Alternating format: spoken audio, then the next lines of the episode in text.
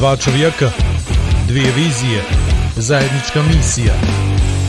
Igor i Vlado predstavljaju Igora i Vlada. Pri upotrebe detaljno proučiti upustvo, indikacijama, mjerama oprezi i neželjenim reakcijama na podcast, posavitujte se sa ljekarom ili farmaceutom.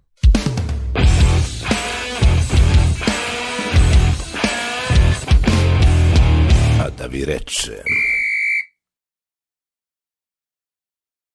Dobro, poštovani gledalci i slušalci, dobrodošli u treću sezonu, devetu epizodu podcasta Igor i Vlad.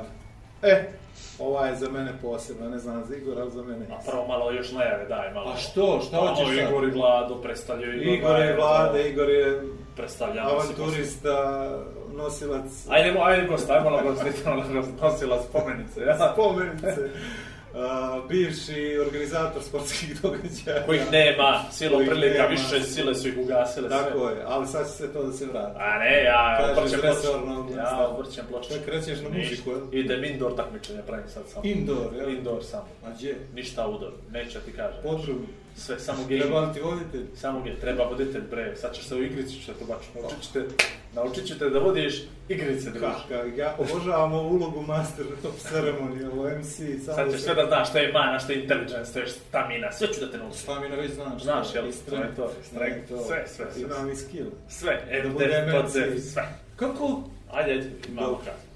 Ovaj, imamo dobrog gosta, imamo, valjda, ne znam, nemam pojma. Svaki put imamo dobrog gosta. Svaki put Nije imamo ovaj ništa. A, posebno. Meni jes, meni jes, meni jes. Ovaj, e, E, trenutno urednik e, filmskog i serijskog programa na javnom servisu, nekad bio urednik filmskog i serijskog programa na Atlas televiziji, nekad bio novinar u dnevnim novinama. Najbolji od svih Perovića nije konkurencija prejaka, definitivno. Da nije bilo njega, ja se ne bi bavio sportom, sigurno. Da nije bilo njega, ja ne bi bio sportski novinar, sigurno. Dobar je otac, momak, dobar je brat, ujak, tako da ovaj, drago mi je da je s nama danas Vuk Perović. Vuče, hvala ti na izdvojenom vremenu. Hvala vama, hvala vama i na tako je lijepoj najavi. Sad sam u golovu. Baš smo se potrudili oko najave, ja pogotovo, vjeruješ E, mi? pa vidi. Ja sam vidim, sve- da, ja- vidim da mu nije lako palo. Nisam, nisam, ovaj, nisam, nisam se spremao, mislio sam da će mi lakše da izađe ovo iz mene. E, E, tako. To, Šta radiš? trebao si one, one kartone da imaš, znaš, pa kao da sklanjaš ono i da baca. Kao iz uh, Koja? one pjesme Boba Dilana, ali to? Ej, ili Love Actually film. Bravo, bravo, Da. bravo, bravo, vidiš, to mi je posljednja fora koju ću da iskoristim na jedno mjesto. Da. E, to je- Sa, sa srećom. E, hvala ti, da. Vuče, ja kao neko potpuno nezavisan u svemu ovome, eto, ne, nevezan srodno s vama dvicom, ne znam da li je podcast do tako dno kad smo počeli da zovemo braću u pomoć da nam vade ovaj, emisije, smo li mi sve drugove i prijatelje u prethodnih sedam epizoda iskoristili i upravo se, da li se, da li se ovaj podcast sve ono, zvali smo sve koje smo mislili da će nam se javiti, ajmo sad ove koji su nam ono sigurica, a to je brat. Jel to znači da ja, no, ne znam što ću ja s mojim bratom, posvađali bi se na pol podcast, ne bi ni na pola. Možemo u IT sektoru kad dođemo. O IT-u da, da pričam. E, tebe smo Kako si- zvali da nam zaokružiš jednu cijelinu, Mene a to je interes- mora malo kultura, film, Tako, serije, to stvari. ništa nije Pojta. U doba pitanje- korone. To U je, doba korona. Moje, moje pitanje to je, ovo je vanredna emisija, tako je vodite. Kad je vanredno vrijeme, može familija. To je. To je to. Mene to interesuje, kako si ti doživio ovaj poziv iz familije u, u podcast? To, me, to je bila poenta moga pitanja. Ali nije ovo meni prvi poziv o, o, od strane mog mlađeg brata, malo mlađeg, ali mlađeg. Ovaj, tako da nije to mene toliko iznenadilo. Već smo se mi družili. I to na zvaničnim kanalima, ovo je super. A Ovo je misliš da ovo, misliš da je, pa misliš da je lakše ovo? Ha, grdno se. Tek ću da vidim. Tek ćeš da vidiš. Ali, Vlado da počnemo. Ja sam Ovaj. pripremio sve pitanja. Ajde ćeš ti. Ne. Ajde, neću, ajde, da- slobodno, neću da neću Ajde da ti sa dvije pošalice ono da razbiješ malo i to, ajde. Ne, mene je... Ne, poslije ću ja, to da skočim, nemoj. ja Inače. Vu- Vuče, Igor googla, znaš, gdje mu nije jasno, on googla, kapiraš. Pa, tako i ako svi imaš- googlao. E, tako da ako imaš neku mračnu stranu i to, on je to našao, shvataš. On se E, bavi dark Ako je na internetu mračno. E, to, to, to se, to se, to E. sam mislio. Da nas je moj jedan telefonski razgovor nešto duže s jednim prijateljem i pričali smo o puno tema i neđe sam mu se ja požalio ovo, pro- kako prolazimo svi kroz ove teške situacije, kako mi fali onaj moment um, iskre, onaj da, da, da krene, znaš, da me nešto vuče, jer definitivno je sve stalo. I onda to što je sve stalo vuče i mene da se da stanem, a ni, i onda je on to nazvao jednom riječu, dobro, to je i, i, i, i dar i prokletstvo ovo što mi imamo, taj preduzetnički moment, sad u ovom momentu je strašno prokletstvo. I pitao me, no, pa ima li toga kod tebe sad, gdje je to? Ja sam rekao, ima jedan moment što me podstako, što sam ukapirao, to je ovaj gaming koji, sa, koji se sad pomenuo.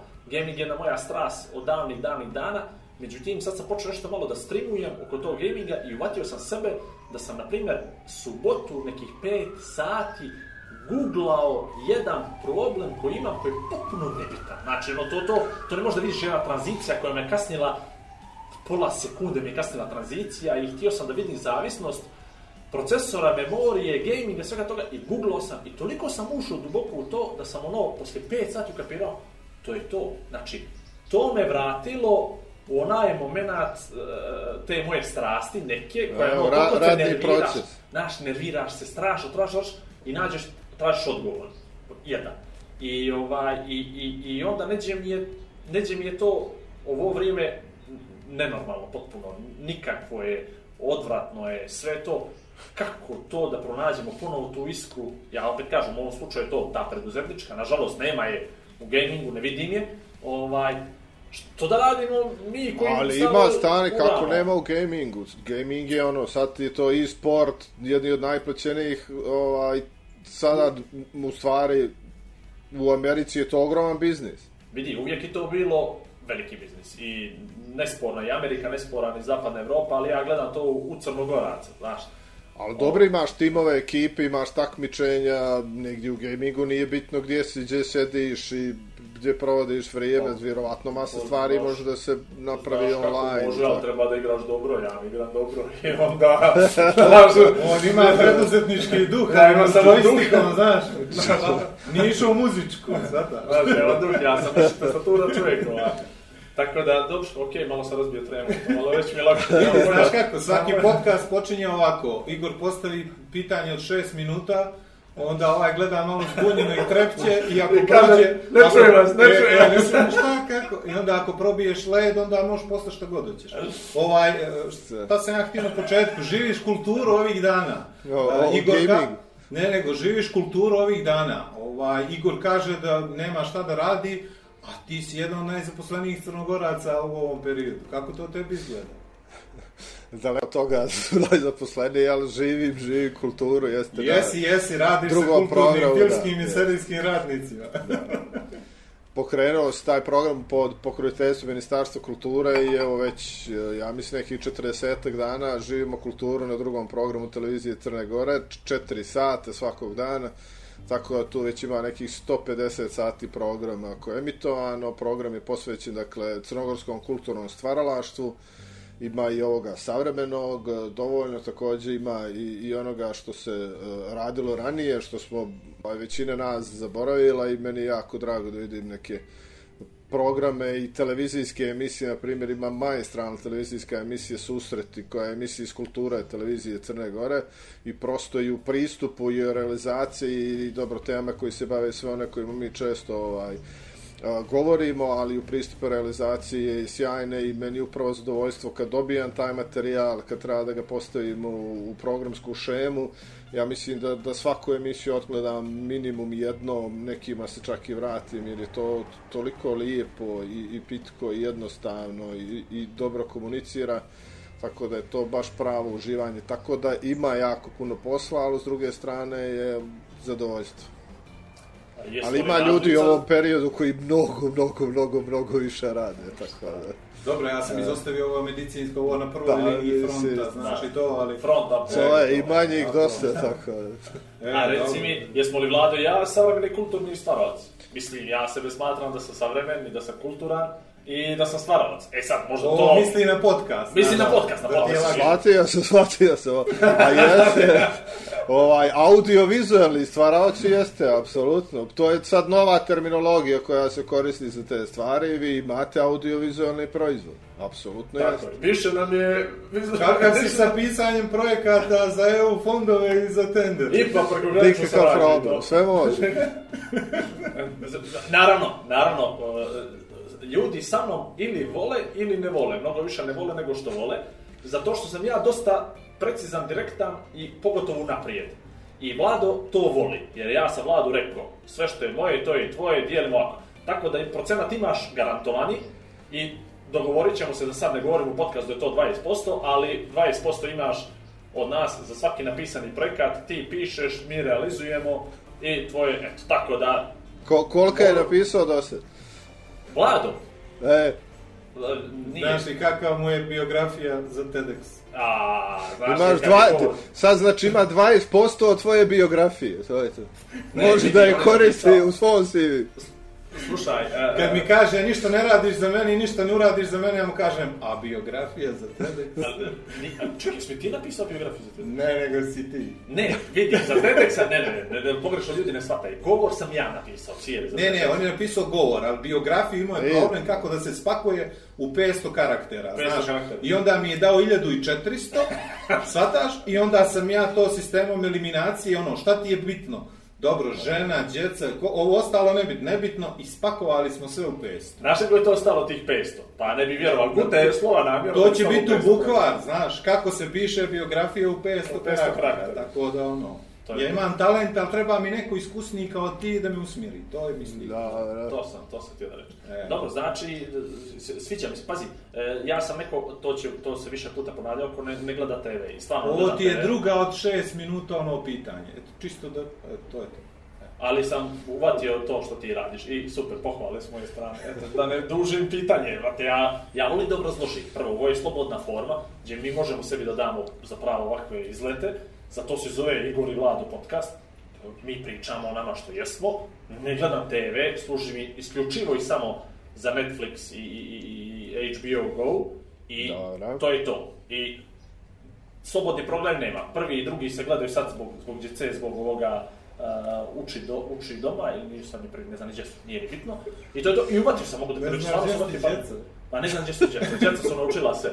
Ovaj, uglavnom, uvatio sam i mogu ti reći da mi se stvarno dopalo i, i ako ikad, ikad slučajno stane, to je možda jednom neđeljno, jednom 15 dana, TV upaljen, da bi bio upaljen, obično je to prvi ili drugi uh, program javnog servisa i vjeruj mi, mm, i sa distance neke kulturološke godina, šire slike, ljudi mogu da se iznenade kvalitetom programa. Ok, nije produkcija, nivou, bla, bla, bla, National Geographic, tih stvari, ali mogu ti rečem da ima što gođi, da se vidi, da se nauči, da se čuje, da se pročita i eto, tako da sam Kako je biti zadovoljan. urednik filmskog i serijskog programa na javnom servisu? sa dosta, dosta e, sredstvima koji bi rekao, eto, uopšte ne vodiš računa o tome, pretpostavljam, kad biraš što da puštaš. Nego onako, O čemu ne vidim računa, o? Pa o parama. O parama, o parama. Ono, Mislim, možda široko. potrošiš široko si, to, to. Moram da vodim, sve ima svoj budžet, shvataš, tako da to A. bi bilo super, ali ne postoji to, ni Netflix nema to, da ne vodi računa o parama, tako da to A bi bilo ja sam super, mislio da vi u tako stvari ne samo po funkcioniše. ukusu vašem, a ne i po budžetu. To po, po željama samo, ne, ne, mora da se uvijek postoji, postoji programska šema, postoji urednički zahtjevi kolega koji rade e, prvi i drugi program i onda u okviru svega toga se uklapa ono što ja biram kasnije, što su filmovi, serije i dokumentarni program. I animirani Ali- filmovi, pa da, ima i toga. Moram Jacknu da pohvalim. Ja, ne, ja sam bio mali kad se gledala prvi put, od tad je nisam gledao. I nisam ni sad gledao, iskreno da budem, i puno, ima puno rupa u svemu tome. Međutim, par epizoda sam odgledao u krugu porodice zajedno sa djecom, ovaj, i djeca su se vrištala osmijeh, iako stvarno nisu razumijeli i nije ni namijenjeno njima, ali meni, meni, je, meni to nije smiješno bilo, meni je to sve više bilo, to, je li moguće da su ove vremenske distance je to i dalje to, da se malo što promijenilo, da je samo taj neki zoom vremena, eto, garderoba se možda malo promijenila kod nekih ljudi, ali da je to toliko van vremenski snimljeno, napravljeno, ja, ja sam fasciniran pravo te To je već kulturno-umjetnički program, to su kolegi iz kulturno-umjetničkog programa, pošto je to proizvod televizije, tako da je to uh, njihovo, da, njihova zasluga isključivo za, za Đeknu. Dobro, okej, ja sam sad ispričao Imao je neku sugestiju prije par minuta, govorio o tome kako bi bilo lijepo da se priprema za ovaj A ne, za ne, podcast. Skroz, nebitno skroz. Tako da se ovo baš onako lijepo uklopilo. Ovo je Google. Ovo je Google. Vuk Perović, Jack Šta si radio s Jackama, sam veli gledao, pripremao sam Dobro, se dobro, dobro. razgovor. Nisam se pripremao za razgovor, rekao sam ti sto puta. Ali pohvalio se Jacku. I da li je Jack na televiziju Crne Gore? Dobro. Jeste, apsolutno i treba. da je serija, bravo. Hvala, je hvala, najbitnije. prenijeću neka i Jer ti treba. stvarno misliš, jer ti stvarno misliš da je sad bitno ko je... Sad mu je neprijatno. Apsolutno je nije. Najbolje je moj podcast da mi je neprijatno. Izvoli. Kako je biti urednik filmskog i serijskog programa? Je to zahtjevno? Jeste, Imaju pa li ljudi mislim, pojma ka- koliko je zahtjevno? Pa, mislim, ne znam, imaju li, mislim, glupo je meni da pričam o tome, ali... Naravno, ali stalno meni vas nešto kritikuju, znaš. Pa ne znam, ja čujem i pohvale, tako da... Vjerovatno dobro, ajmo malo o tome. Neće, neće mene, ovaj, šar, pa evo, na primjer, sad smo imali seriju Lovec, italijansku, koja, ja mislim, nisi siguran da je emitovana u, u, u regionu. I to je radila jedan od kreatora Gomore i ove serije 000 ili 000 što ide na, na HBO Go. Ovaj, znači, italijanska je produkcija i, na primjer, kogod je gledao tog lovca je bio to. Ni, nigdje nije gledao 12 epizoda, kriminalistička je serija, rađena po istinitom događaju, jer italijani se često bave ovaj, tim svojim problemom i u serijama i u filmovima i ono, baš dosta ljudi je reagovalo fenomenalno na, na, na tu seriju 12 epizoda. Također, poslije toga je išla Gomora, treća sezona. Ostali smo u, u, u istom poslu, samo s druge strane, ovamo su bili glavni policajci, ovamo su ovaj, glavni kriminalci. Ali to je tu. Pa, mislim, ono, dvije strane medalje, to je život, sve to postoji, ja? da se ne lažemo, da. I tako od jutra, od šestog, krećemo, na primjer, sa Narkosom, ovaj, jednom od naj, trenutno, serija o kojoj se najviše govori apsolutno u svijetu i koja je napravila ogroman boom upravo za Netflix i vrlo uticala na to da Netflix postane to što je danas, dakle jedna platforma na kojoj svi traže šta će da bude novo. Nar Narkos, ja mislim, je od njihovih najprepoznatljivijih proizvoda i dan danas. Čak su pravili te izlete jako ka aktuelno Narcos u Crnoj Mexico i Gori, tako će biti paralela, sigurno. Pa svuda je to aktuelno, znaš, evo kažete šta god radili, šta god prikazivali, prosto to su stvari dio Jasno. savremenog života, da se, da se ne lažemo, skoro u svakoj zemlji. Reci mi evo, kako može jedan, jedan lovac protiv Netflixa i HBO-a i kablovske televizije? Meni stvarno, ali evo, iz ugla korisnika, nije, ne mogu, ne znam, ne mogu sebe da, ne bih mogu sebe da natjeram da gledam neku italijansku seriju na RTC, dobra, je digitalno, sad, sad malo i, i bolje u svemu tome je prihvatljivije, a na drugu stranu mogu play i pauza premotavi sezona 1, sezona 3, sezona 8 na HBO Go ili na Netflix ili, ili što to drži ljude da gledaju takve serije koje opet vi, ti, neko tamo birate u moje ime. Eto. Prosto pitanje, kako možete se borite s tim? Eto, to je, to je u stvari pitanje. Kako, kako uspijevate? Eto. Da, na Netflixu možeš, na HBO Go ne možeš. HBO Go također izbacuje određene serije jednom nedeljno. Tek kad ih sve izbaci, onda si u prilici da radiš to što radiš. Ovo, ne, ne. znači možeš Ja, i ovo kod nas, sve preko da određenih kablovskih distributera danas na svu sreću.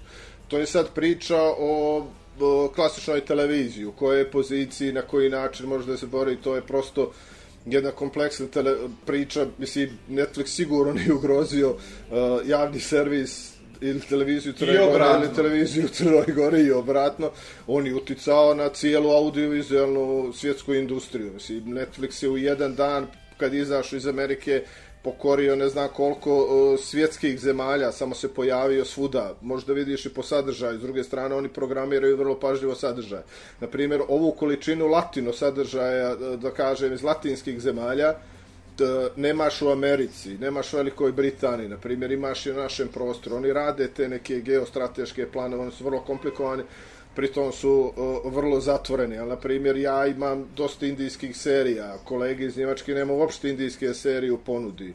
Znači, te velike stvari oni negdje stavljaju isto vrijeme svuda, ali prosto to kako pune sistem i šta ti sve imaš da gledaš, ovaj, nije isto. Ne možeš da se boriš s Netflixom, to je totalno besmisleno. Javni servis ima neke svoje prepoznatljive, prepoznatljive stvari koje radi decenijama, njih nemaš u Netflixu. Ali ti nisi prosječan korisnik, ti jesi prosječan korisnik Netflixa. Ja sam ovisnik o gledanju filmova i serije ali ako bi se rukovodila televizija Crne Gore po meni, gledalo bi je 500 ljudi, shvataš, zato što ja to mogu da gledam cijeli dan, neko ne želi to da gleda cijeli dan. Javni servis ima uh, sportski program, velike svjetske sportske događaje, prenosi sve sportske događaje u Crnoj Gori, uh, također ima naučno-obrazovni program, dokumentarni program, informativu prije svega koja je najbitnija negdje. E, za svaki javni servis. I Jesi li zaboravio kulturno-zabavni, izvin? I kulturno-zabavni program, također imamo stvarima zabavni program i kulturno-umjetnički, to su... Ovaj, jel te sad sramota, kako ti je rekao, jel te sramota sad? Kako je ovo? E, Ima djeci Nosit će ovo 20 godina. Tako da su, to su prosto razlike. Nije, uh, mi često pravimo grešku uh, kad krećemo samo od sebe. Prosto nisi ti o, taj o, uzorak, na primjer, za, za gledalce javnog servisa. S druge strane, mi smo se, uh, HBO prije svega, kasnije, pogotovo Netflix sa tom cijelom streaming platformom, oni su poremetili sve HBO kad se pojavio u Americi. On je bio, do duše, on je u Americi, HBO ima masu sportskih događaja, HBO je bio prepoznatljiv po profesionalnom boksu. Oni su ulagali pare u boks i prenosili boks mečeve i ti si u Americi mogao da gledaš ovaj uh, najbitnije ovaj boks mečeve i oni su na taj način ovaj gradili svoju platformu. Za njih su na primjer Sopranosi bili ovaj prekretnica u smislu da da jesu serije nešto što bi oni radili. Takođe HBO je Netflix ovaj, skroz poremetio. HBO je ranije prodavao svoje serije. On bi ih emitovao na, na svojim kanalima, ali bi ih prodavao i drugim zainteresovanima. zainteresovanim. Od kad se pojavio Netflix, HBO ne prodaje serije koje su oni e, proizveli. Zato ne znam ako si primijetio, KRT imao igru prestola, ali je završio sa četvrtom ili petom sezonom, jer poslije toga HBO je rekao ne, mi ne želimo svoje originalne proizvode, da bi bili različiti i da bi mogli ovaj da se da se jure s Netflixom koji tada nije prodavao svoje serije, međutim sad je Netflix eh, promijenio tu svoju politiku, tako da i u kupovini, to je, znaš kako, to je svjetski biznis. Netflix i HBO Go su ono, globalni igrači, svataš, tako da s njima ne možeš da se boriš. Ono što mi možemo je da ponudimo najkvalitetniji mogući sadržaj koji je to programska šema mora da izgleda kao, kao javni servis, svataš. Ti na Netflixu sam upravljaš svojim, imaš posebno korisničko iskustvo, s druge strane na osnovu toga kako ti tražiš, pretražuješ šta gledaš, oni tebe kasnije bombarduju, to je prosto skroz drugačija ponuda, znaš, kao, ne znam, kao, ne znam, ovi sportski kanali, svataš, oni ne komuniciraju sa ženskom publikom, to žene ne gledaju, s druge strane, misli, ili mali broj, jel? ali s druge strane imaš ovaj, muškarce koji će to da gledaju od 8 ujutro do 12 uveče, ne znam, subotom kad je premijer liga ili nedljom kad imaš tri termina, neće ustati i pomeriti se od, od televizora da bi gledali, ali taj Srećni, kanal, tako. da, taj kanal, mislim, to je sad, to je sad sve drugačije, imaš to, oni to zovu danas niša, kao, što je u stvari najbliži prevo taj uzorak i sad ako ti znaš da pogodiš svoju ciljnu grupu ili uzorak ti imaš uspješan biznis ili kako u slučaju Netflixa da se igraš sa svim tim ovaj nišama, znači da zadovoljavaš što je užasno teško najširu moguću publiku i da imaš ponudu za sve njih, što na primjer Netflix ima. Netflix ima i tinejdžerske serije i serije koje više voli ženska publika, ima ove krimi serije, ima sportske dokumentarce, Netflix ima, na primjer, sjajne dokumentarne ovaj, serijale, ne, ne samo o sportu, o raznoraznim stvarima, jako bitnim i političkim i kontroverznim i ovo i ono, i, ali oni su prosto našli taj biznis model koji je ovaj, ostvariv. S druge strane, Netflix također krije ratinge I to je velika polemika u, u Americi i oni su tek skoro uh, su ih negdje primorale ove zemaljske televizije, da ih tako nazovem, iako još nisu zemaljske, dakle te klasične, da oni objavljuju prosto jer e, ne znaš da li se to gleda ili ne gleda. Oni imaju sjajan baz, dakle tu priču o, o duva duva, ali u Americi se sumnja da se sve te stvari gledaju e, baš u, u toj količini kao, kao, kao što oni prave svoj marketing, a u tome su stvarno majstrali. Ja sam jednom bio na jednom e, seminaru gdje su bili distributeri dokumentarnih filmova i razgovarali smo o tome, presnici javnih servisa su većinom bili iz regiona, ali bilo i, i, i stranaca, ljudi koji se bavi distribucijom dokumentarnog filma i, i, i sve tako. I bila jedna Poljakinja koja se bavi distribucijom dokumentarnog filma i, i čovjek koji je vodio e, taj uh, naš razgovor veliki i kao rekao, vi imate primjer, to je bilo prije tri godine, Sjajim, vi ste prodali film Netflixu, da li želite da podijelite vaše iskustvo sa svima nama, da bi mi znali i da bi kolege znali na koji način da komuniciraju i da e, ovaj, e, ponude film Netflixu i kako u stvari dolazi do toga šta oni traže kao i ona je rekla ja mogu da podijelim vaše iskustvo. Moje iskustvo nije nikakav problem. Oni su saznali za taj film koji sam ja producirala dobila sam mail od tog određenog gospodina, oni su me pitali koliko bi taj film koštao, ja sam e, rekla cijenu, oni su meni poslali, tražili ok, na, ni, ništa nisu pregovarali, tražili su samo podatke, sastavili ugovor, tražili to ono, na koliko imaju pravo, koje teritorije sve živo, ona kaže da su to bilo jako lijepe pare i to je bilo to. Ona je njima predala film, oni imaju film po ugovoru, posle toga im je poslala 50 mailova, niko nikad nije odgovorio na mail. I oni su tada imali tu politiku, to se zove takozvani cherry pick, taj, to se termin, znači da biraš stvari samo koje ti želiš, koje misliš da su na Netflix. Oni ne žele da im ti nudiš.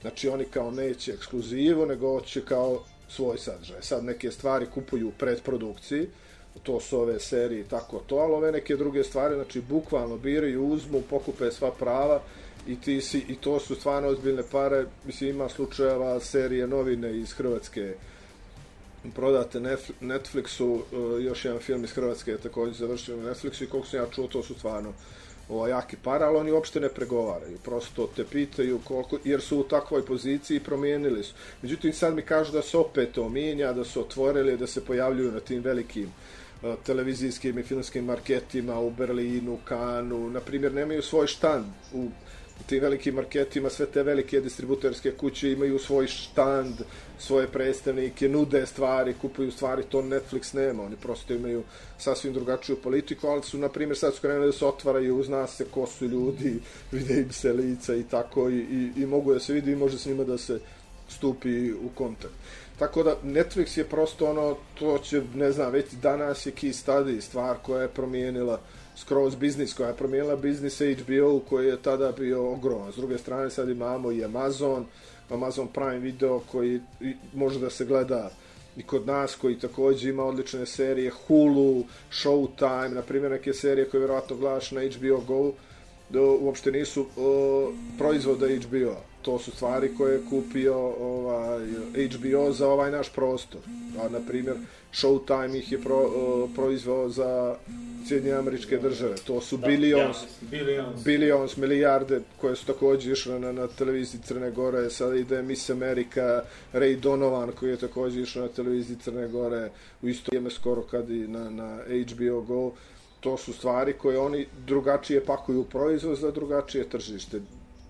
Prilično je to ovako biznis koji se razvija, na primjer, ko zna šta će biti poslije ove korone, Netflixu je ona odgovarala, ali na primjer bioskopskim distributerima, bioskopima uopšte, prosto to cijela industrija, to što nema festivalu u Kanu, što nema marketa, što to će stvari koje će dobro da uzrmaju tržište, niko ne zna kako će to kasnije da izgleda. Evo, na primjer, 000, to je Sky Atlantic, dakle, Sky, ovaj, britanski, u stvari danas to konglomerat, to je njihov proizvod, dakle, radili su Italijani, ono, multinacionalna je uh, proizvodnja. Oni su imali isto Babylon Berlin, sjajnu seriju koju ti glaš na našem HBO Go, ali, na primjer, kad sam ja bio u Berlinu na festivalu, ona je na njihovom ZDF-u, ovaj, njih nacionalnom servisu, jer su oni sa Skyem pravili tu seriju i, na primjer, mislim da je bila obaveza da prvo mora da ide na ZDF-u, ali u nekih onda dva mjesta se pojavile na Sky koji isto, im, koji isto ima ovo što je HBO ili Netflix. Mi nismo navikli da nam neko otme podcast, znaš kako Nis, oni samo ali, govore. ali nisam želio, nego eto, krenu ste u to. Ali ja te ništa nisam ni pitao vezano za sve ovo znaš. To je to, vidim. E, a, Nije. a slušaj, Ovo mu je najduže klimanje u životu posle žene. Nije, ne želim više, brcnem se ja. Znači, Posle trećeg djeteta sad se vrati. Slušaj, uh, imao sam tri pitanja među vremenu i sva tri su sad nisu glupa, nego jednostavno nas kreću s ove teme. Ova tema je više nego interesantna i stvarno može Slobodno što to da se skreni. priča. Ja sam imao, ja sam imao o, o, protiv Netflixa, o, protiv Netflixa, imao sam ogroman, ogroman otpor prema njemu. Uh, zbog titlovanja. Na ko, neko ko, ko, ja tečno pričam engleski, tečno ga govorim i razumijem ga i koristim ga u, u dnevnoj komunikaciji, takav mi je posao na kraju krajeva, ali stvarno sam se navikao na titlovanje na našem jeziku, da čitam dolje, da mozak nekako isključim i, i to je to. I baš sam imao strašan otpor. I što se desilo? Desilo se da sam uh, uzeo Netflix probno 30 dana zbog House of Cards, koji je imao prevod, jer dodao sam prvu sezonu uh, Kuće karata s prevodom i druga sezona krenula bez prevoda. I ja sam pošao da vidim, jednostavno nisu, nisu nikad izbacili.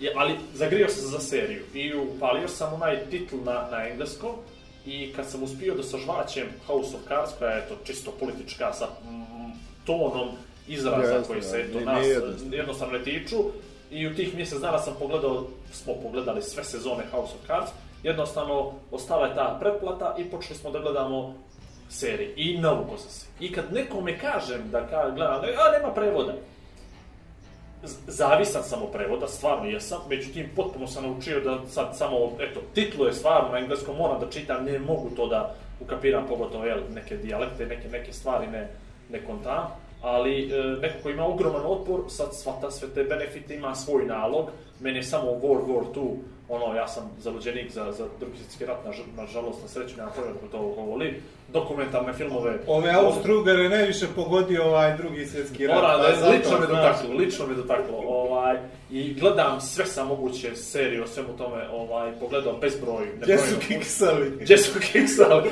Gdje smo se zeznuli? ovaj, i, i, i, i, ima jedna strašna vic kako je moj džed. Nemoj, nemoj, nemoj, nemoj. Moj džed je, znaš, Vrnu smo na tu stranu. 40 aviona srušio, drugo si svoj bio mehaničar za Lufthansa. ovaj, uglavnom, uh, uglavnom ideja tog Netflixu na ovom, nema pojma što sam počeo pričati, nije bitno. Uglavnom, No. razumio sam sve ovo i, i strašno mi je interesantno, ozbiljno, zato što sam Netflix uključen od, od, od, od decembra mjeseca. Ne od ranije, od decembra mjeseca. Ova korona je ovo i kako, kako omogućila meni da uživam punom zanosu. Mogli bi da pričamo o svakoj seriji pojedinačno, ovako koju sam pogledao. Mnogo mi se sviđa, ali dobrne teme. Pitanje je bilo, pomenuo si globalne, globalne igrače. Mene interesuje koliko dijaspora crnogorska utiče na kreiranje programa javnog servisa. A, zašto te ovo pitam? Kad god sam neđe gostov na televiziju Crne Gore, ta emisija se na ovaj na način preko satelita neđe uh, prenosila. I uvijek sam bio iznenađen kako ljudi iz Njemačke, Francuske, Britanije, naši ljudi, vide to, uvate to, a na primjer lokalno ođe, mi koji imamo jel, izbor ovih lokalnih crnogorskih kanala, šaramo pa ne gledamo toliko, a, a nekako je narod u dijaspori baš verziran na, na, na naš satelitski program i koliko u stvari vodite račun o njima, to me to interesuje. Pa o tome, Lako, lako ti je ovo. o tome ni- nisam nadležan. To misli. o, o tome vode računa urednici sa satelitskog programa, jer to je poseban kanal. Sve što se emituje na satelitskom programu u principu je, u stvari većinom je originalna proizvodnja televizije Crne Gore, jer, na primjer, satelitska prava za ovakve stvari, serije, filmove koje smo pomenjali je nemoguće kupiti. To košta Dobro, ali imamo pare. dokumentarne Ali pričamo, za emisije, pričamo da, oni imaju, oni prosto su se uželjeli, shvataš i jedini informaciju u principu koje dobijaju iz Crne Gore na taj način dobiju preko satelitskog e, programa Crne Gore i, i to vrlo plate. Bio sam i ja u nekim situacijama koje su bile ovako vrlo zanimljive po, po, po stranim zemljama kad sretneš naše ljude koji ti znaju zato što gledaju satelitski program televizije Crne Gore. Ali komunicira i kaže, postoji posebna redakcija, njih ima više tamo koji brine o tome, neke emisije se proizvode, ja mislim baš za satelitski program, oni obilaze naše iseljenike, rade s njima također emisije, također. Znam da je bio jedan sjajan serijal o, o crnogorcima u Argentini, ali to je radila dokumentarna redakcija, tako da E, brinu oni o tome, ja mislim da, da komuniciraju, da ti gledalci, na primjer, ovi tačno znaju šta gledaju i, i žele to da gledaju, i mislim da čak i, i prilježno šalju sugestije šta bi voljeli, da li ima ovo, da bi voljeli da vide ovo iz ovog kraja, da su oni, na primjer, od odafle, ali da nisu vidjeli neku takvu emisiju, tako da se oni trude da im uh, izađu maksimalno susret, naravno, koliko su mogući. To, mi, nama to treba da nas povežeš s tim ovaj, iz redakcije za dijasporu, ove satelitskog programa, jer nama fali ta interakcija sa, sa, sa gledalcima, slušalcima podcasta, sataš? Je... Jesam ti rekao da će da nam pomogne čovjek? Ako može. Ali nije odgovor na pitanje. A jes, jes. Da, ne, nije. da li se on rukovodi time? Pa čekaj, on je urednik ne, pa programa. Dobro, ali ja razumijem, postoji prvi i drugi program naš. Pušti, postoji satelitski. On, pa dobro, pa čekaj, ja volim ovo, zato ja volim da sam nepripremljen, zato što... Ali nisam ja... ja pita što... Znači, na stelijskom programu ide, idu stvari uh, koje ja kao urednik filmskog serijskog programa ne kupujem. Ne, dobro, i ti tu nikakve veze nema što, znači ti puštaš na, na prvi, drugi Ajmo dalje. dokument. Ne, pa stani, pa nije. Vidi, Sad pa ja uči čovjek na televiziji. Po... Ima ljudi koji, koji isto ne kapiraju. Vlada, ti si s televizije čovjek. Dobro, dobro. Već. Ja shvatam da te Vuk sve naučio što ti znaš, on te nauči, ali mene nije uči. Mora me to što sam čuo, ja sam Vuk bira što ćemo mi da gledamo filmski dokument. Sam ja to dobro razumijem. Serijski. Serijski, jel tako? Prvi, drugi, crnogorski. Jedan od, nije bitno, bira. E. A ovi na, na RTCG sat, satelitski program, oni nezavisno od njega sve to biraju. Ali, videli oni što je Vuk uradio, pa kažu, mogli bi ne, ovo da stavimo ne biraju, nema, ne mogu da stave, ne mogu zbog prava, svata što... Dokumentarni, a čekaj, dokumentarni naš, crnogorski a to, neki, to što proizvode televizije Crne Gore, mogu da stave. A što proizvode televizije Vuk Crne Gore... Bira. A nemam ja, Sve mi okay. imamo dokumentarnu redakciju, stvari... To ne zavisno. Da, da. Be, be. Komplekse, televizija je kompleksan posao. 10 minuta ovoga. da, da, Nećemo, višemo. Uče, zapitaš se ponekad, ima li vas previše? Mene nema, ne znam za ostalo. Tebe nema, ja. Znači, I ovo radi filmski, serijski i... Dosta je. I dok, dokumentarni, ali kupljeni dokumentarni. Kupljeni, A kupljeni, strani, pa nisi rekao na početku. Strani e, dokumentarni pa. program. Je li jedno u podcastu, koji je ovo minut nebitno, nije pomenut strani dokumentarni, filmski, serijski i dokumentarni. To, ali niko nije odvojio dokumentarni dokumentar. Sa, strašno mi, drago mi je strašno, drago mi je strašno, sad ljudi konačno kapiraju koliko njemu teško neke stvari ulaze u glavu. Znaš, on nema širu sliku, nego mora pa sve ja. taksativno. Slušaj ovo, sad, korona i Netflix, ovo, da se vratimo. Ovo, ovo A samo, samo jednu stvar, ovaj, okay. nego za ovaj titel. Obrati također, to je biznis, ko što ti govori. Na kraju svake epizode uh, Netflixove serije, ćeš imat popisane ljude koji su tu seriju prilagođavali gdje Netflix nahuje tu seriju. Dakle, gdje koristi glumci, znači vidjet ćeš Italija, Poljska, Turska, sve živo. Jer su njima te teritorije zanimljive. Mi smo Netflixu mali, ako prođe engleski da. i prošao je, trošak im i da titluju, neće tim da se bave za razliku od HBO koji sve serije jel, ovaj titluju i ne pušta ih na engleskom. Ali to je isto biznis odluka. Znači oni nahuju, Jer, na primjer, Turci ne čitaju titlove, Italijani ne čitaju titlove, Poljaci ne čitaju titlove i oni rade, plaćaju da bi radili sinhronizaciju, jer je to njima utiče na broj korisnika u tim zemljama i to je proces. To najbolje Rusi rade, kad imaš Terminatora na ruskom, sve jedan čovjek ovaj... Poljaci, e, Poljaci, Poljaci su po tome prepoznatljivi. Oni isto da, imaju da, samo jednog čovjeka, dušu u nekim drugim zemljama, ja mislim u, u Češkoj, uh, tipa i u Italiji isto, ako dobiješ Toma Cruza, ti radiš Toma Cruza. Toma Cruza, jes, jes. Svaki sljedeći film. I oni paše. bukvalno znaju glas, što misle da je Tom Cruise, jer im se stalno ponavlja, iako to je, to je glas italijanskog nekog umca koji radi Toma Cruza u svakom narednom filmu.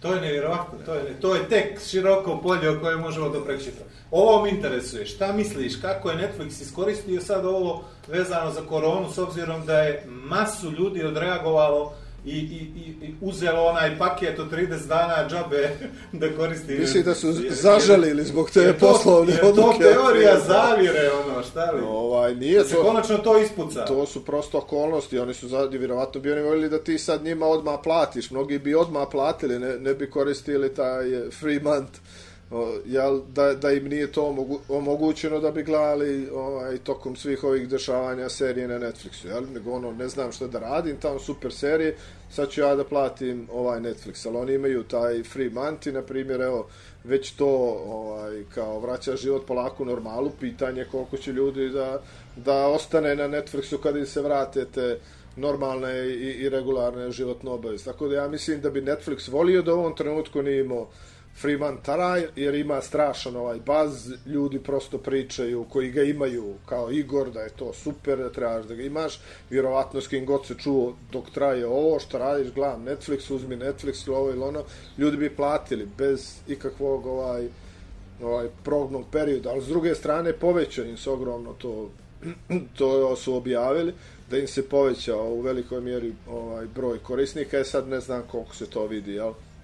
U novcu i koliko je to ovaj traje mjesec dana, koliko će ih ostati uh, poslije mjesec dana, ali su njima akcije skočile zahvaljujući koroni, što je isto upravo zbog toga i Netflix je super prošao, tako da...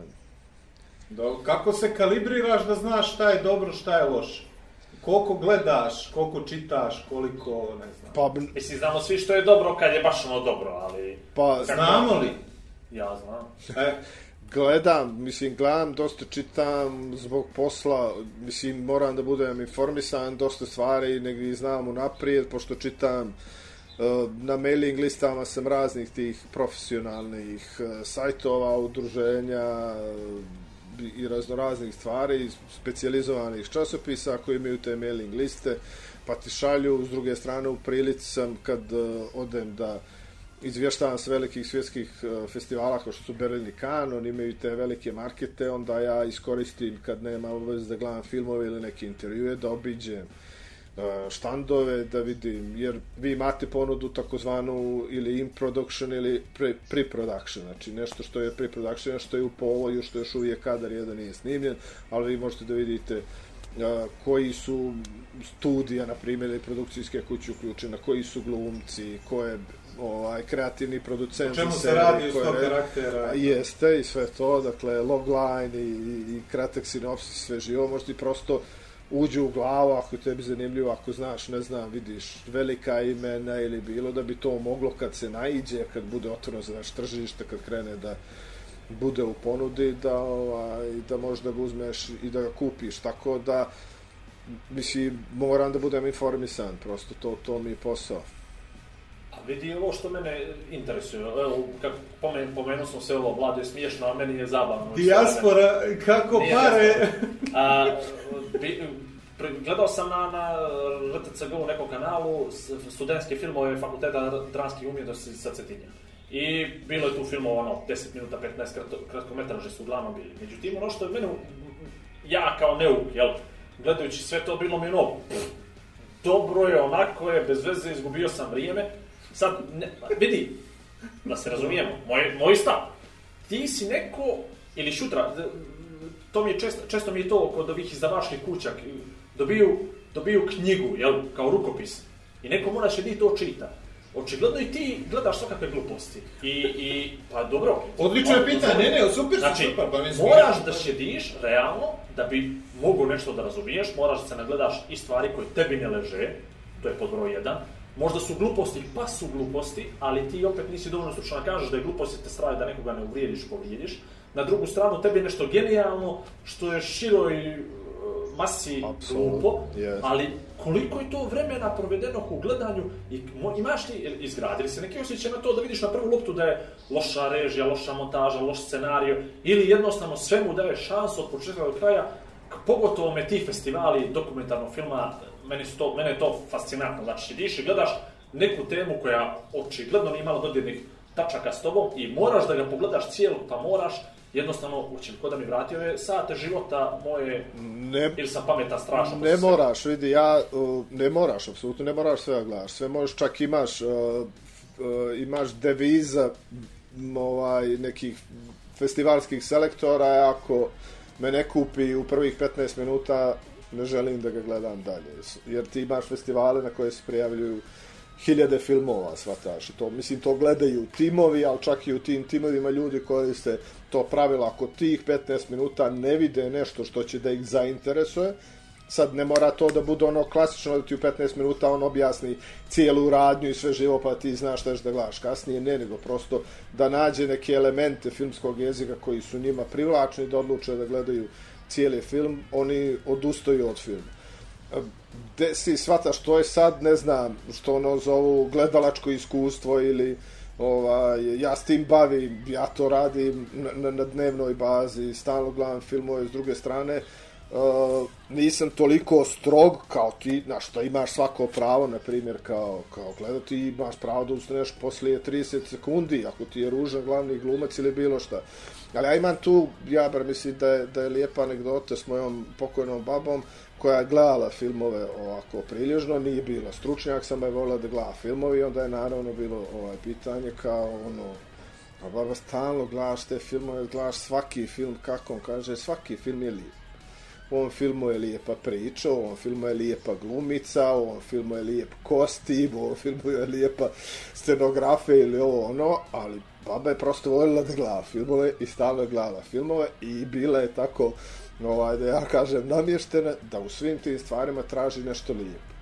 Sad, mi skroz živimo u drugačijem svijetu, ja bar mislim u jednom ciničnom svijetu, u svijetu koji je brz, nemamo vremena, evo sad su nas ove stvari malo usporile i prosto nekad ne želimo da neke stvari sagledamo na taj način. S druge strane, kao film i umjetnost, možda najkomercijalnija umjetnost u tom smislu, e, umjetnost koja komunicira sa najšom mogućom publikom i kao što, na primjer, neko ne razumije, e, ne znam, Dalija, Picasso, da ne govorimo o ovim najsavremenijim ovaj, autorima, tako se može desiti da neko ne razumije neko savremeno filmsko umjetničko djelo. I to je sasvim ok.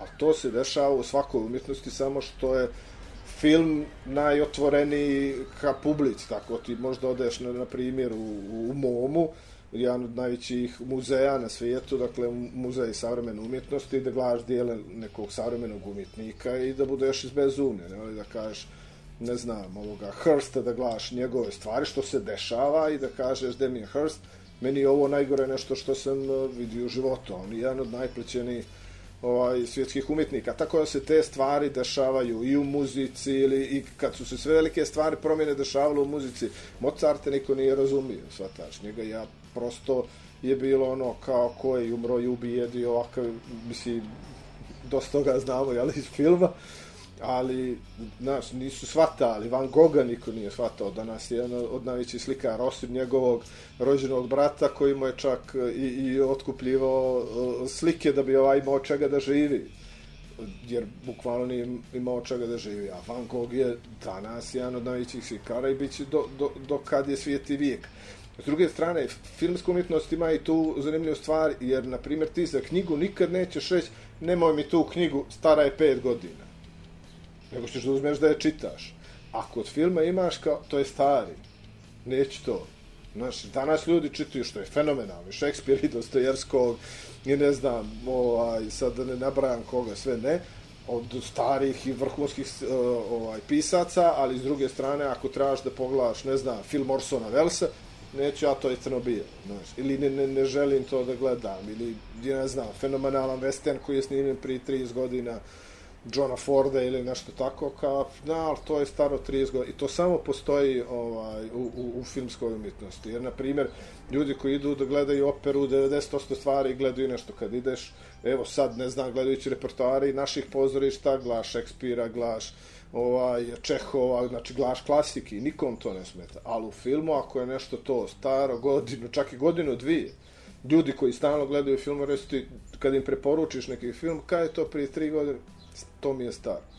tako da ima tu mnogo otvorenih stvari, svataš i, i negdje da bi se kao i ostali umjetnostima neke stvari ovaj, percipirali i shvatili na svaki način, jer filmski jezik je izuzetno bogat i na neki način sublimira i, i, i sve ostale umjetnosti, sve. tako da može da se desi, ali u principu ja sam za to i tako se i ponašam, želim da budem otvorenog uma, nekad neke stvari ne ukapiram, ali onda tražim neko kome se film dopao, ja volim da, da pričam, ono kad kažu ukusima se ne, ne, ne, ne raspravlja, ja volim da, da raspravljam o tome i najviše volim upravo na tim festivalima kad se nađem s kolegama, ako se nekom vidio ili nije dopao film, a meni se dopao ili obranuto da poslije toga razgovaramo o tome, jer najviše ja baš mislim upravo iz takvih stvari možeš nešto da saznaš ni da naučiš, jer se meni desi isto kao i tebi da mi se nešto ne sviđa, da mi nije jasno da je ovo da ono, da sretnem s kolegom koji je sve to shvatio, ukapirao i prosto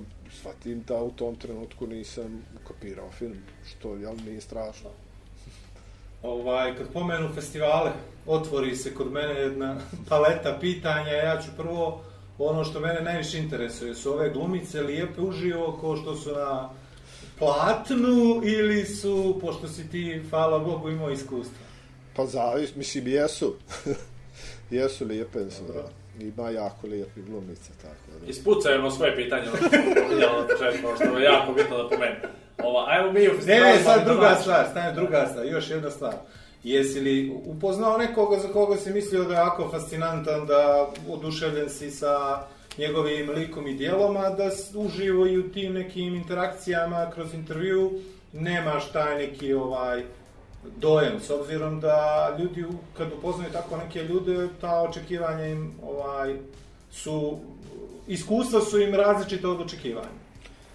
Pa u principu većinom imam pozitivna iskustva, dakle ono to, ali znaš, s druge strane, ni to nije lak posao. Ti intervjui na festivalima su ono što kaže trak. Znači ti sjedneš čovjeka i na primjer ako je TV intervju, sad postoje dvije varijante. Da ti dolaziš sa svojom kamerom i ako su velike produkcije, da oni imaju komplet ekipu, rasvitu, sve živo i samo ti daju, sad daju ove male kartice, ti daju izvolite kad se završi intervju, dobiješ određeni broj minuta i sad zavisi dakle, od produkcije, od filma, od glumačke zvijezde, od ovog i ono, većinom kad radiš e, sa, sa glumicama, oni imaju kompletan taj set da bi izgledalo onako kako žele da izgledaju, ali to se desi nekad i, i sa rediteljima i, i, i sa glumcima, zavisi od mnogo elemenata i to rade PR agencije, znači koje one u najme plate, da oni sve to njima napravi. Na primjer, tebi se desi da ti radiš čovjekom poslije ne znam, dva sata neprestanih razgovora, znači on ne može da čuje sva različita pitanja, on vjerovatno, jer svataš ako je njega Njemac pitao šta očekujete od ovog filma ili ne znam zašto ste uradili ovo, a ne ovo, vrlo je moguće da sam ja to primijetio, ali je glupo da ga ja ne pitam, jer moja publika je drugačija, svataš. i on to mora da ponavlja kao negdje papagaje neke stvari. Tako da to, ja mislim da njima uopšte nije jednostavno i, i lako. S druge strane, bukvalno 90% ljudi s koji sam radio su vrhunski profesionalci.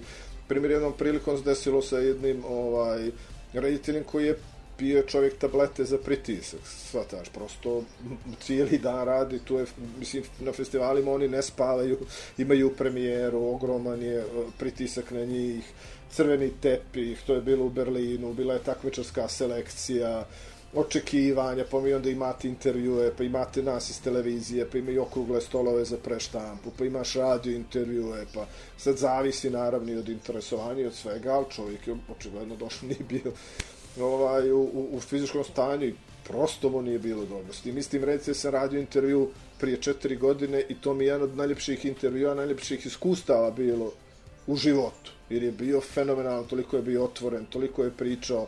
Čak nam je pukla e, uh, rasvitno tijelo, jedna sjelica je eksplodirala tih 10 minuta dok oni nisu zamijenili tu sjelicu. Mi smo pričali o svemu, o filmu, jako dobro poznaje bivšu Jugoslaviju, ima prijatelje, baš je bilo jedno ovako, živ, jedno od mojih najljepših životnih iskustva. Posle četiri godine sam ga sreo, podsjetio ga, on se svega sjetio, ali i bio drugi čovjek, vratno bio premoren, umoran i mi smo jedva izgurali tih pet minuta koliko nam je bilo dozvoljeno, jer je on na svako moje pitanje odgovarao jednom do dvije rečenice. Jer je vidno bio jako umoran, istrpljen. Tako da, dođu da kažem, i oni su ljudi, a ti, te, te festivali su strašno i, i, istrpljujući, jer često to bude ritam da oni imaju premijeru, dakle imaš crveni tepih, imaš onda taj film, onda slušaš utiske, onda ti prelaze ljudi, uvijek bude neka žurka, to je tvoj film, ti ne možeš dodaješ te žurke, vjerovatno zaglaviš, jutro ujutro, ovaj, ti kreću, ne znam, intervju i ko zna kakve obaveze, neki možda imaju neke druge, da se pojave na nekom mjestu za, bu, za budući film, sa sastanke i tako nešto, pritom ujutro uvijek bude dan, taj dan kada je premijera, bude novinarska projekcija, pa onda imaš pres koji neka traje sat vremena, tako da, mislim, i oni su ljudi, ali stvarno niko, niko nije bio da kažeš ono da je, da je baš kao... Mislim, meni je bio Robert De Niro zanimljiv u Berlinu na, na preskonferenciji, on uopšte nije htio ovaj, da odgovara na pitanje novinara. Na svu sreću, Matt Damon je bio koji je glumio u tom filmu. Na kraju se cijela sala smijela, jer možda stane, ja mislim, nekih 400 ljudi i bude na tim preskonferencijama, a kad su De Niro i Matt Damon, tu ne može onda i, igla da padne. I, i na kraju De Niro je prosto odgovarao sa, sa prostim rečenicama. Što god da pitate, on bi nešto rekao tako kratko i začutao. I na kraju je Matt Damon, koji inače jedan od ovako najpozitivnijih ovaj, eh, karaktera u, u, u tim situacijama, ovaj, rekao, jeste ovo pitanje za reditelja, ali bih ja možda mogao da vam odgovorim, da bi se prosto održao i, i bilo, jer je bilo jedno trenutku je bilo neprijatno, jer on kaže jednu rečenicu i 400 ljudi čuti, čekaju iz drugu, on ne planira da nastavi dalje, mislim, nije odgovorio na pitanje uopšte, ako ćemo pošteno, ali je Matt Damon, na primjer, od toga napravio ovaj, fenomenalnu preskonferenciju, jer se on ubacivo, pa je onda pitao, onda kao da njemu, da nećeš Bob ti da nastaviš, nećeš, ja ću. I onda, onda on opet priča, bilo je jako duhovito, tako da, mislim, De Niro je bio, ali to je isto bila super preskonferencija i super iskustvo. Ima njih koji dođu, mislim, i nervozni na preskonferenciju, ima Emmanuel Bear, francuska glumica, velika poznata je bila jednom, bi, oni su bili, ja mislim četvrti ili peti pre tog dana i nije bilo ljudi u sali koliko je ona očekivala da će da bude. I bila je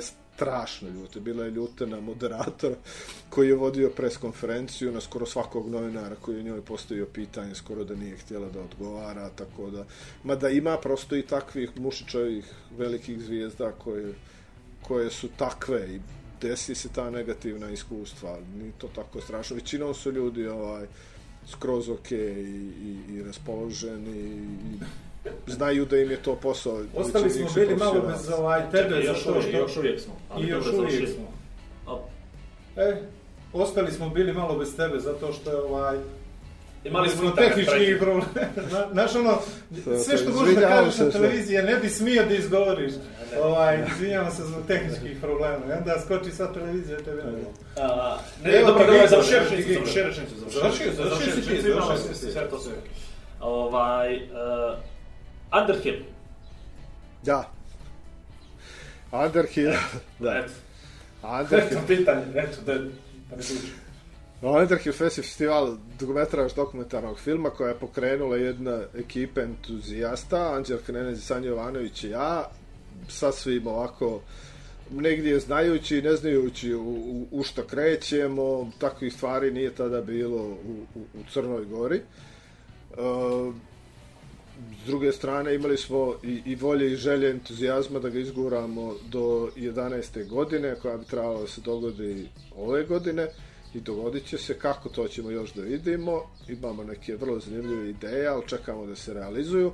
Ali ovaj, i to je festival dugometražnog dokumentarnog filma. Inače smo svi negdje bili nas troje. Poved njih dvije su i završile ovaj, produkciju na fakultetu ramskih umjetnosti na Cetinju, na primjer Anđelka Ladla na Beldoksu festivalu u, u Beogradu koji je duše tek tada pokrenut, bila također nekim filmskim festivalima, ja sam također gledao dosta toga i smatrao sam da ima prostora da se takva jedna stvar u, u Crnoj Gori pokrene.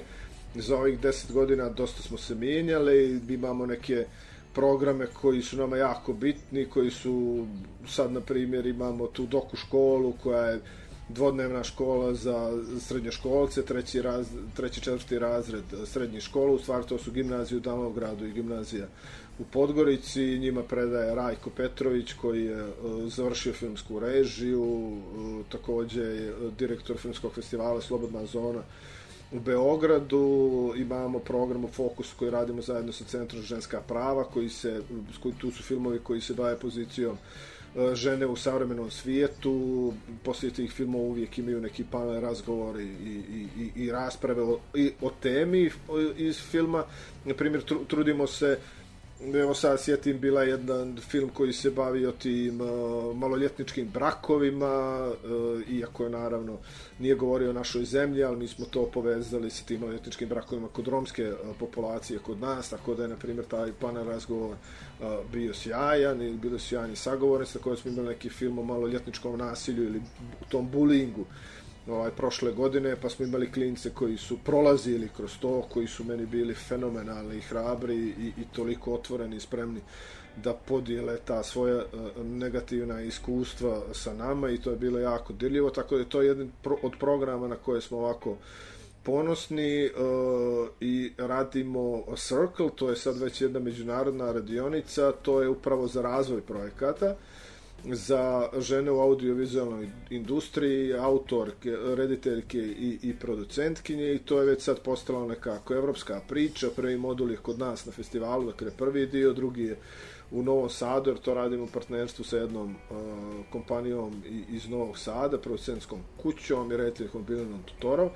A treći je, na primjer, u Leipzigu na festivalu dokumentarnog filma u tom njemačkom gradu koji je jedan od deset najvećih u Evropi, tako da mislim ovako neskromno da smo za 10 godina dosta toga postigli, da smo uspjeli da napravimo te elemente koji bi morao da ima svaki festival, dakle festivali nisu samo ovo da e, platiš kartu i, i da odeš i da gledaš film, također se ponose na to što smo, ne znam, od našeg programa se skoro da dovedemo 50% e, autora filmova, što je jako teško, dakle imamo goste, uh, ljudi koji dođu koji poslije filma uh, razgovaraju uh, sa publikom i na primjer uh, ako si ti tu i ako se ne dopadne film i želiš nešto da ih pitaš možeš. I to nam se dešavalo i oni su razgovarali bez ikakvih problema ovaj sa ljudima i objašnjavali im neki su neki promijene mišljenje neki poslu neki ne promijene mišljenje i dalje im se ne sviđa film. A to je a, najbolji segment tu vi ja to... samo dođeš pitanje je moguće ovo ovaj bilo je prošle godine na primjer bila ta uh, jedna zanimljiva situacija, bilo je takvih pitanja ovaj, o jednom filmu, ono, prvo, dobar dan, dobar dan, to je dobro večer, meni se ovaj film ne sviđa, mislim, autor kaže, ok, nije nikak problem, tu i publika prosto nekad bude, ovaj, misli da mora i da autor očekuje da se to svima svidi, oni su svjesni da to neće. Ovaj, svakome se dopadne, ali nam je ta otvorenost, ta, ta situacija da mi imamo goste, ovaj, da ljudi dolaze u, Crnoj, u Crnu Goru i, i da ono što je meni jako lijepo, što mi čujemo prosto kad ja idem po nekim drugim festivalima ili kad putuje Anđelka ili druge kolege, da se često kad se pomene priča o, o filmu u Crnoj Gori, svi znaju za, za Underhill Fest i za naš festival. Također smo dio jedne regionalne mreže, što nam je jako drago, koji su jedni od najpriznatijih ovaj, dokumentarnih festivala, tako da mislim da vrlo sam ponosan na tu priču jako mi je drago što smo izgurali ovih 10 godina jer je stvarno bio ve veliki izazov. A, Slušaj, stan, stan, stan, stan, sekund, samo se vratim na ovo. Bio je Underhill, bio je dokumentarni film o, o zabranjenom pušenju, Dobro, bio je Sejo Sexon i bio je nevjerojatno pozitivan lik je odgovarao na pitanje. Bilo je kritika. Bilo se lijepo. Ali bilo je ljudi kojima se nešto nije dopalo, koji bio ovako... Jeste, bio... ali sjećaš se momenta kad je Sejo rekao to vrijeme smo bili toliko popularni da smo svirali u svakakvoj mogućoj vukojebini itd. itd. Da. I on se ja digao ruku da ga pitam koja je to vukojebina bilo u Crnoj Gori. I on kaže da razmišljim. I kaže kolašin. Tako da moraš da dolaziš na to, kapiraš. A što je, što je razlika između dokumentražnog i kratometražnog dokumentarnog filma? U minutima ili pa, forma ili rad? Prije svega u minutima, samim tim je različita forma. Če je granica? O, znači minuti i forma. Pri, jer ti, Ne, dobro, dobro, a je minut što je, što je kratko, što je dugometražno? Pa sad različito to kako, znači, e, tad e, klasična podjela je bila kratkometražni, srednjemetražni i dugometražni. Znači, do pola sata bi negdje bio kratkometražni, od pola sata do sat srednjemetražni, preko sat vremena je dugometražni. Ali, na primjer, mi nismo, Koliko mi, seksa. mi te srednje metražne ovaj, često uzimamo za festival jer ne insistiramo toliko na, na toj podijeli. Na primjer, neki festivali tačno imaju minutažu i kažu kratki film je do 20 minuta, 22 minuta, ako im pošliješ, oni neće da ga gledaju uopšte. Tako neki imaju ta toliko stroga pravila, ali u principu to kratki, srednji i dugi metar, to je podjela izigrani iz uh, dugometražni film. Pa i- Ja možda imam nešto da ti pošaljem ako nije problem. Bil ti to pogledao? Mislim, Zato ste vi mene zvali. Pa vidi, evo, ja Kako je uvod vrijeme. jel da? Ja, ja, cijelo vrijeme pravim uvod. Je biznismen, jadan je stilu. Dao ti je sad vremena u podcastu za self-promotion, A- a pro- čuti vrijedno A dok ti pričaš, neće živjeti da te prekine. Ali pitao, slušaj, je Netflix. Ne, nemaš da brineš, ja ti rekao da sam otvoren, da sam pozitivan, Da, da, ima strpljenja, da ne, da gasim film rijetko poslije 15 minuta. Sve sam te, pa vidi, ja sam te sve pitao. Kakav je pitching interesuje. odradio, a? Znači, prosto te pitao za Netflix, pošto mi je Netflix, jel, vlažni san. Onda sam ukapira tamo nema leba. Onda sam te pitao, gledaš li to do kraja? Probaj na javni servis da se ugura, pa onda kad vidi Ko nema leba odlučuje, vidi, tu. ko odlučuje na javni servis? Jesi li to ti? Kako za dijasporu da ga plasiram? Sve sam ti pitao što mi interesovalo. I na kraj imam link da ti pošaljem. I meni ga još nije poslao tako da vidim se više dobro je što nismo krenuli od Underhilla, razgovor bi trajao 10 minuta. vidi. Po, po, po, pošalji, Ovaj, pošalji. e, Ne, na, nema, nema, nemam još gotovo ništa. Ovaj, biće, biće, biće brzo. Šalim. se. To je jedan film koji se radi dugo vremena, pričali smo o tome davno. Dokumentarni film o- Black Lake-u, radi se već negdje od oktobra u stvari, bit će to brzo.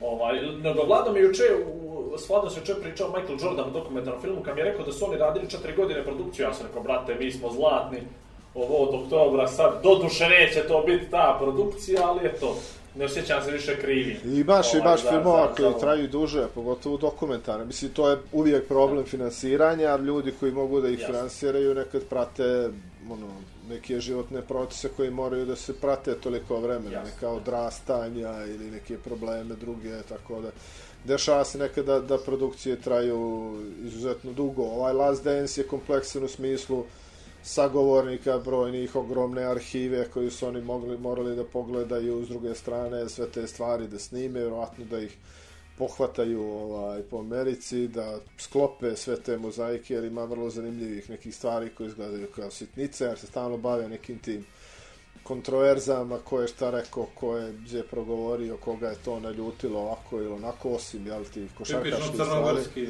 Tako da je to, ja mogu mislim, znači, neko mora da kaže da je ovaj, onda oni traže toga da im odgovori da to što ovaj rekao je sad to se nekad ne poklopi u jednom intervju, nego moraju da razgovaraju više puta s ljudima gledajući da je to serijal, ovaj, ni četiri godine nije previše. na primjer ja znam ekipu koja radi uh, posljednji Dream Team, mislim da se zove, posljednja košarkaška reprezentacija Jugoslavije kada je uzela ovaj, zlatu u Rimu. I oni rade taj film, pa ja mislim sigurno sad već 4-5 godina i ne znam jesu li blizu kraja. Tako da je... Litvanci su isto mnogo radili, ja mislim o njihovom Dream Teamu su radili ovaj isto nešto 15 godina tu priču, tako da nije nije lako, nije lako. Dobro, nije, ne, ovo je bila mala šala. Nije lako od oktobra, nije lako. Nije lako, dobro, dobro, dobro. Ovaj, dobro, mislim da... Do, do, do, Jesi naučio ti nešto? Ma jesam, brate, to me, E, ja to. za to najviše volim ovaj podcast, zato što izađe pametniji iz ove sobe i onda mogu sa više ljudi da se svađam i prefiram oko nekih tema koje apsolutno ne razumijem. Što je neđe i glavni sport kod crnogoraca. Jeste. Da uđeš u konflikt, ne znaš baš sve, ali imaš svoje mišljenje izgrađeno na tuđem mišljenju do jednog momenta koliko si mu vjerovao, jel? Sad ja znam Netflix, znam da je HBO u problemima, ja ću da dodam neku cifru koja je u mojoj glavi cool, kapiraš, i onda ću se raspravljati s nekim da mu objasnim i ja sam kursan.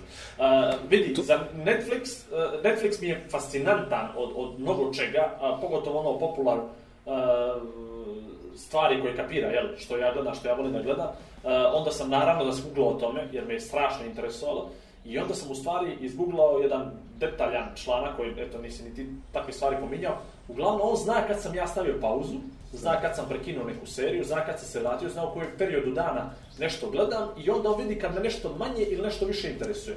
I onda sam ja sad pokušao da ga isprovocira s jednim filmom, ali razmišljam da im pošalje mail, jer nisu mogli da shvati iz mog ponašanja ako se meni taj film nije sviđao, ako koja ne volim stvari napola da ostavim završeno. Uh, uglavnom preporučili su, pošto sam se fascinira sa CIA trenutno ovaj, uh, serijama nekakvim i onda mi sve, sve što je vezano za neke teorije zavjere i dao mi je film Extraction.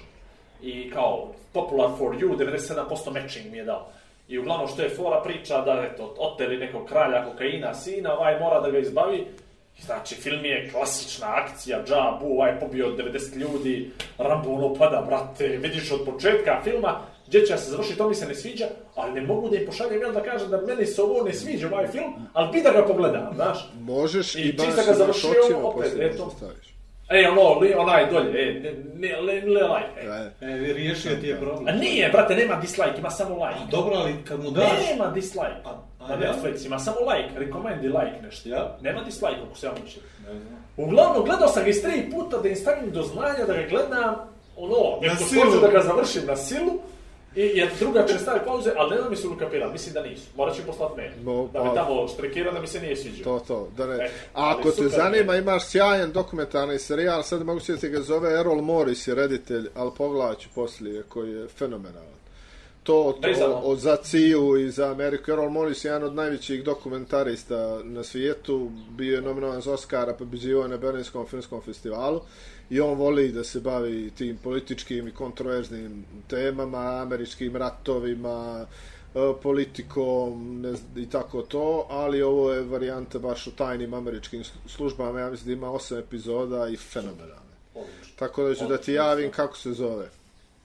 Fenomenalno, fenomenalno. Ja ću da Hvala. Hvala vama, Hvala, brate. bilo mi je zadovoljstvo. Pa vidi, nama je bilo super i mi idemo na to da, da o, povećavamo nekako bazu gledalca, tako da nam i share s tvoje strane ovaj, neđe, neđe znači 4-5 ljudi kako uspiješ da dovedeš da pogledaju ovo i poslušaju, nama znači nemoj, 3, 3, 3, ajde 3. Mala je ova Baza Perović, on nije se To je- dokapira. Generalno, e, pa bravo, njega smo doveli, on ti je bio jedan od i on nema tamo da raširi gdje. Ona mi je sigurno like. Ona je bio. Uglavnom, to nam je, to nam je neđe ideja bila, kako smo kapirali da na dvije sezone prve ni bustovanje ništa nam nije pomagalo, počeli smo zovemo ljude da bi čerali da gledaju. Znaš, ono, zoveš, pa ga pogledaš na kraj, eto, jesi ti bio i šeruješ neđe, drugačije nećeš.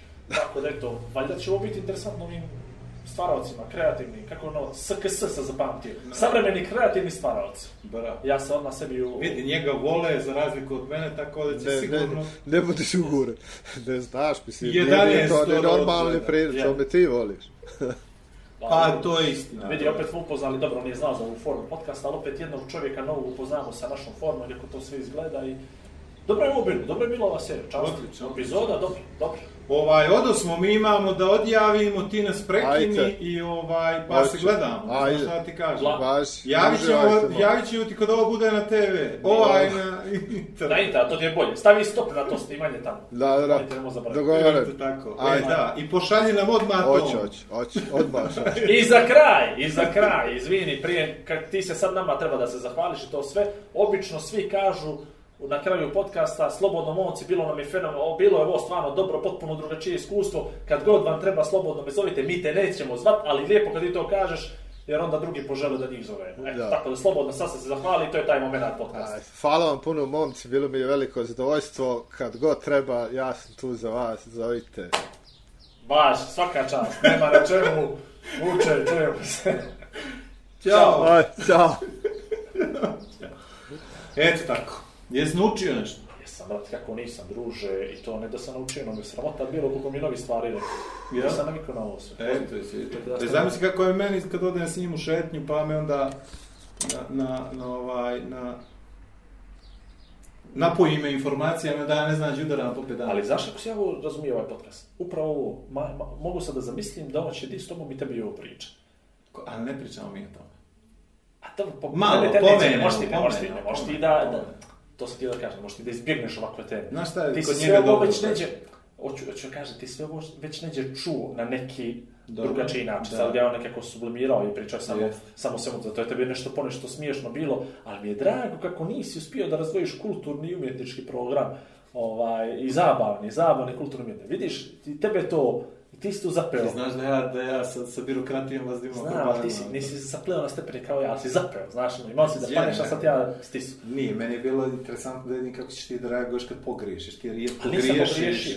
Ti kad Ali rijetko nisam griješiš, kad pogriješiš, nisam dolaziš u neprijatnu Pa situaciju. dođem, ali vidiš, nisam... A meni je to slatko, znaš, niste se ti... vi jednom, niste ni jednom rekli da je on urednik stranog dokumentarnog programa. Nazvali ste ga dokumentarni program. Tuđina, tuđina filmski Fantastično, serij. onda ja nikako nisam mogu to dvoje da razdvojim. Vidi, ti si trebao to odmah da ukapiraš s obzirom da nisi s ovih prostora. A da, ali pričam na našem jeziku, nije nijednom engleskom pričam da nisam to razumio. Cijelo emisije da je nešto... Što smo ga zvali, moram da zovemo nekoga za domaći dokumentarni, treba mi on ništa. Ovaj, a, znaš šta je dobro kod Vuka? Kod Vuka je dobro što to što on toliko širok, s njim možeš pričaš o čemu god hoćeš. Pa ćemo I ne može ti bude Igor, dosadno, Vlado i Vuk znaš. podcast, ne može? Ja sam skroz za. Jel? Skroz za. I to možemo on da s tobom? šedimo i da pričam. Ne bi on s tobom. A ne, da, da dovedemo gosta onda. Ne, možda ne bi s tobom, sa mnom već priča. A ja mislim da on priča samo da ti njih samo slušaš. I, a nije baš. Ne, ja. Začudio. On sluša On strašno dobro sluša. Ozbiljno. Skoro ko ti, s tim što si ti prije, prijek dosta. Jel Ti da? uvijek imaš nešto bolje, uvijek imaš nešto. A on je ono da te Ti si sasluša, biznis varijanta, a onda te utješi. On je ljudska varijanta. ima to humano više nego kod tebe. Pogotovo kad nisi na sportskim takmičenjima koje ti organizuješ.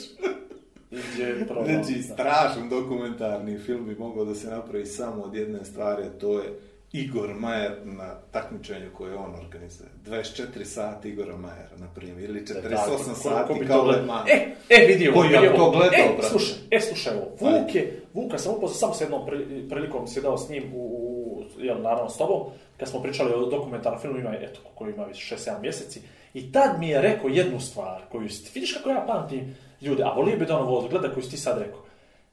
Ja mislim, on je to rekao, da bi How is Behind the Scene Underhill Fest bio fenomenalan dokumentarni film, ali ko bi to gledao osim mene i ekipe koja to radi? Kome je to interesantno? Nikom.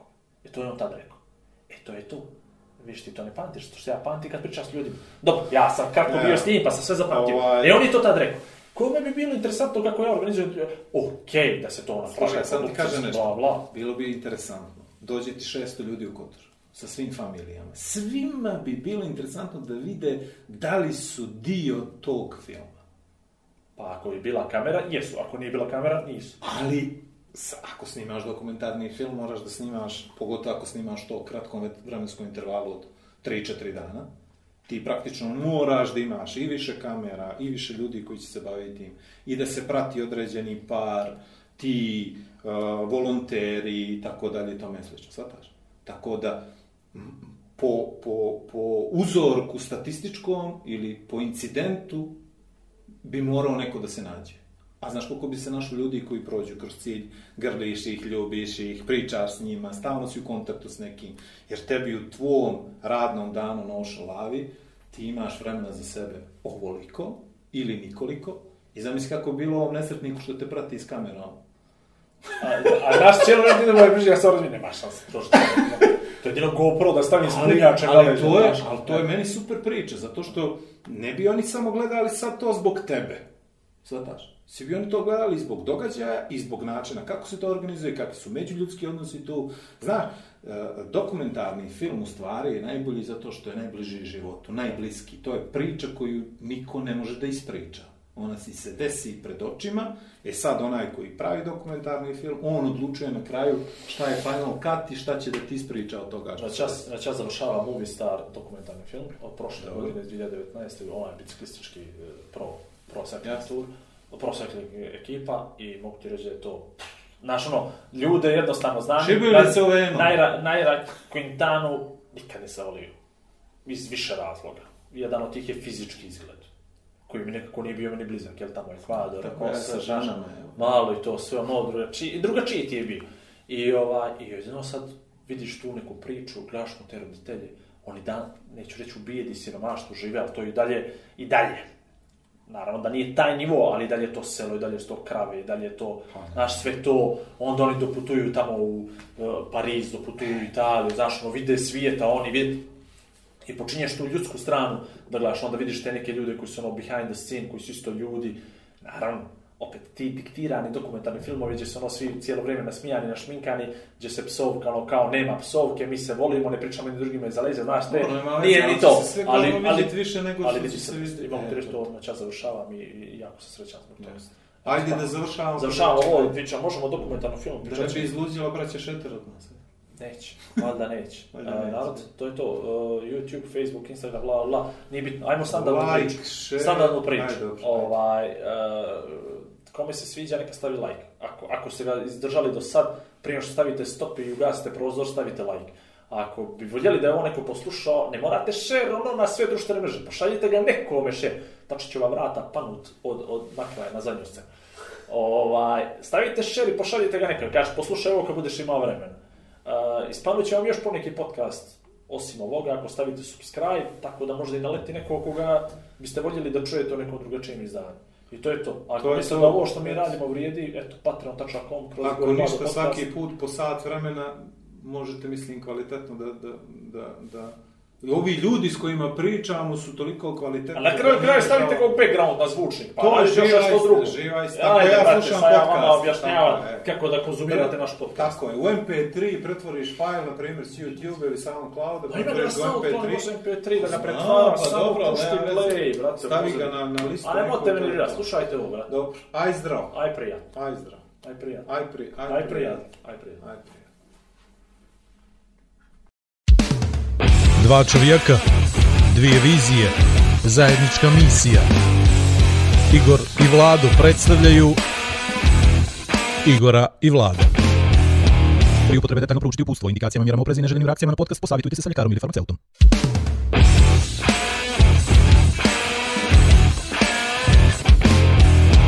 A da vi rečem...